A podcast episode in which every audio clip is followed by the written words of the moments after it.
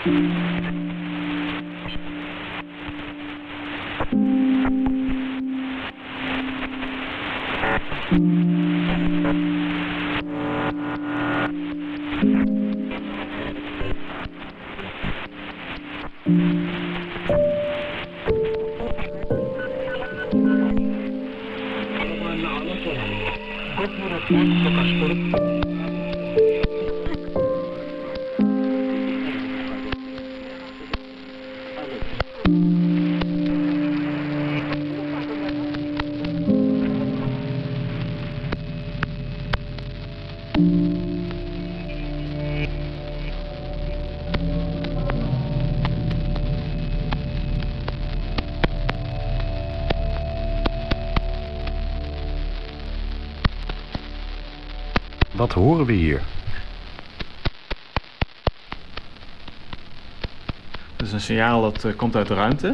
En dat komt af van een hele compacte ster. Die noemen wij een radiopulsar. En dat signaal dat wordt veroorzaakt eigenlijk dat die ster radiogolven uitzendt in een bundel. En wat we dan de vergelijking die we maken is met een vuurtoren. Je kunt je voorstellen, een vuurtoren die draait rond. Een lichtbundel die ronddraait. En in één keer in die rotatie zie je een flits van licht. En zo'n radiopulsar doet hetzelfde met radiogolven. Dus je bundel van radiogolven die draait mee met die ster. En één keer in die rotatieperiode, als die bundel naar de aarde wijst, dan zien wij een flits van radiogolven met een radiotelescoop. De pulsar B0950 plus 08, die staat op hoeveel lichtjaren van ons af? Die staat op ongeveer 50 lichtjaar van ons af. Aan het woord is Roy Smits. Hij is radioastronoom bij het Nederlandse Instituut voor Radioastronomie in Dwingelo. Met de radiotelescoop wordt het heelal afgespeurd op zoek naar pulsars en andere geluiden uit de ruimte. Je ziet een flits van radiogolven, maar hoe wordt het dan geluid? Ah, het zijn radiogolven. En net als de radiogolven die wij gebruiken, dus de zendmast en de autoradio, stuurt zo'n uh, radiopulsar dus radiogolven uit. En dat kun je dus vertalen in geluid. Precies zoals je dat met een radio doet. Dus je hebt eigenlijk gewoon een radioontvanger daar staan?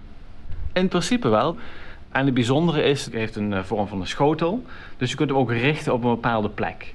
Dus daarmee proberen we te voorkomen dat je al te veel storing uit de omgeving krijgt. En daarmee kunnen we dus ook echt richten op een bepaald plekje aan de hemel, waar dus bijvoorbeeld een radiopulsar staat.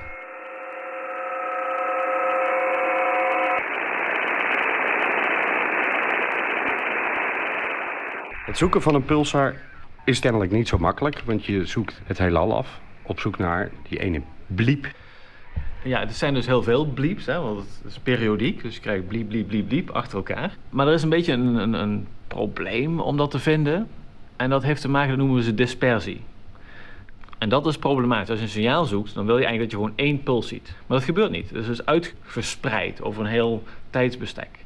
En dat, is, uh, ja, dat maakt het heel erg lastig om ze te vinden. En de manier om het probleem op te lossen is door een beetje te gaan puzzelen, een beetje uit te proberen. En als je op een gegeven moment de goede waarde hebt, dan kun je precies voor die aankomsttijd van die pulsar corrigeren. En dan wordt het een heel mooi smal pulsje. En dan kun je heel mooi detecteren.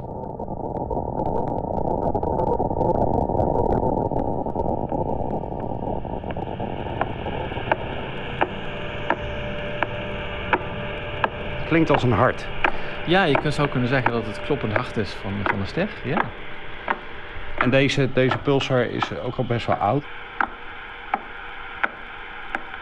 En inderdaad, het is een hele oude ster deze. Die periode is, is vrij lang, bijna een seconde. En dat betekent dat de ster inderdaad oud is. Hij remt heel langzaam af. Dus we beginnen met een snelheid van zo'n 1 tiende van een seconde. Daar worden ze mee geboren. En dan langzaam remmen ze af. Dus deze heeft al een periode van bijna een seconde, dus die is al heel erg oud. Het is prachtig. Ja, ik vind het ook schitterend.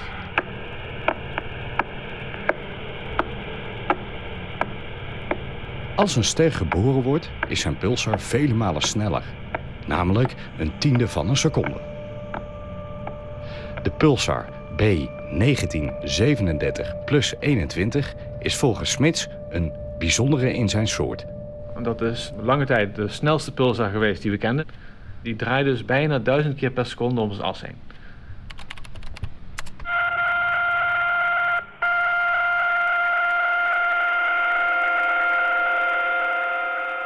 Sterren worden vaak geboren in, in hele groepen van sterren, soms wel miljoenen sterren. En er zitten dus ook heel veel radiopulsars tussen. Dat betekent dat je je telescoop op één klein plek in de hemel kunt richten. En dan zie je niet één, maar dan zie je heel veel radiopulsars. En die kunnen natuurlijk ook in audio met elkaar combineren. Dus we hebben hier nog een audiobestand. En deze geluiden zijn van de Jodrell Bank, uh, Universiteit van Manchester.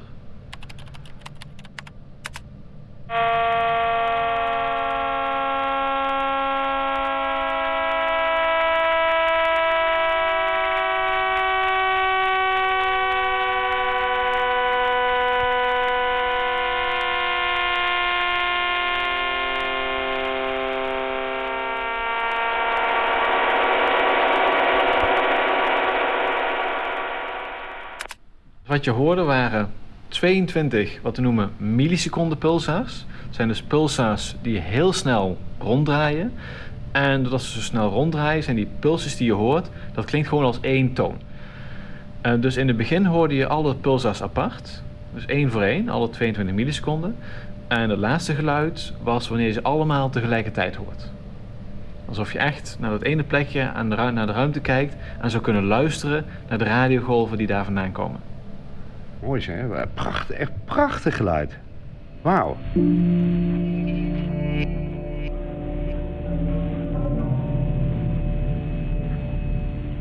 Aan het begin van deze weg zag ik een bordje staan waarbij uh, er werd gezegd dat ik mijn mobiele telefoon uit moet zetten. Want het is een storingsgebied of, zoals dat ook wel wordt genoemd, een radiostiltegebied. Waarom is het eigenlijk hier een radiostiltegebied? Nou, we hebben hier een radiotelescoop. We hebben hier de hele oude staan van 1956. Maar in Westerbork, bij Hooghalen, daar hebben we nog een veel gevoeliger radiotelescoop staan. En die radiosignalen die wij willen zien, zijn extreem zwak. Dat is nauwelijks waar te nemen. Precies. Daarom hebben we dus ook zoveel van die schotels nodig. Je wil liefst zo'n groot mogelijke telescoop hebben om die extreem zwakke golven toch nog te kunnen waarnemen.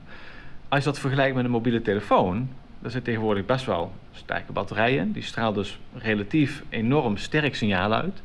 En dat betekent gewoon dat die bronnen die wij aan de hemel willen zien, gewoon niet meer zichtbaar zijn. Er zijn twee manieren om het signaal van de mobiele telefoons te verzwakken ten opzichte van het heelal. Hierdoor kunnen de zeer zwakke signalen toch worden waargenomen. De radiotelescopen kun je richten. En daardoor zijn ze gevoelig voor de plek waar ze naartoe wijzen en minder gevoelig voor de omgeving. Dat is één manier. En de andere manier, die is waarschijnlijk nog belangrijker, dat is door naar een hele specifieke frequentie te gaan waarnemen. Mobiele telefoons die zijn uh, ontworpen om op een bepaalde frequentiebandbreedte uit te zenden en te ontvangen. En uh, er zijn afspraken gemaakt welke frequenties zij mogen gebruiken en welke frequenties vrij moeten worden gehouden voor bijvoorbeeld radiosterrenkunde. Dus door naar speciale frequentiegebieden te kijken, waar die mobiele telefoons niet in zitten, hebben we dus minder last ervan. Maar we houden er nog steeds last van. Dus hoe minder mobiele telefoons is altijd beter voor ons.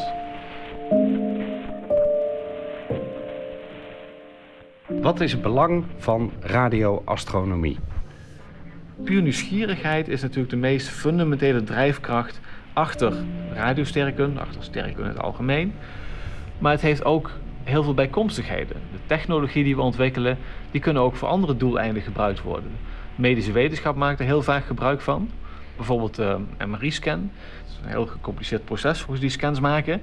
En de technieken die ze daar gebruiken, komt voor een deel uit de radiosterrenkunde. Maar nog een mooi voorbeeld, dat heeft te maken met de oorsprong van de Westerbork radiotelescopen. Daar hebben ze technieken ontwikkeld die later toegepast zijn op het huidige uh, wireless systeem. Dus de huidige wifi, daar zit de technologie in die in Westerbork ontwikkeld zijn. Die pulsar die B0950 plus 8, die is dus 50 lichtjaar van ons verwijderd. Hoe ver is dat? Dat is ongeveer uh, 500 triljoen kilometer.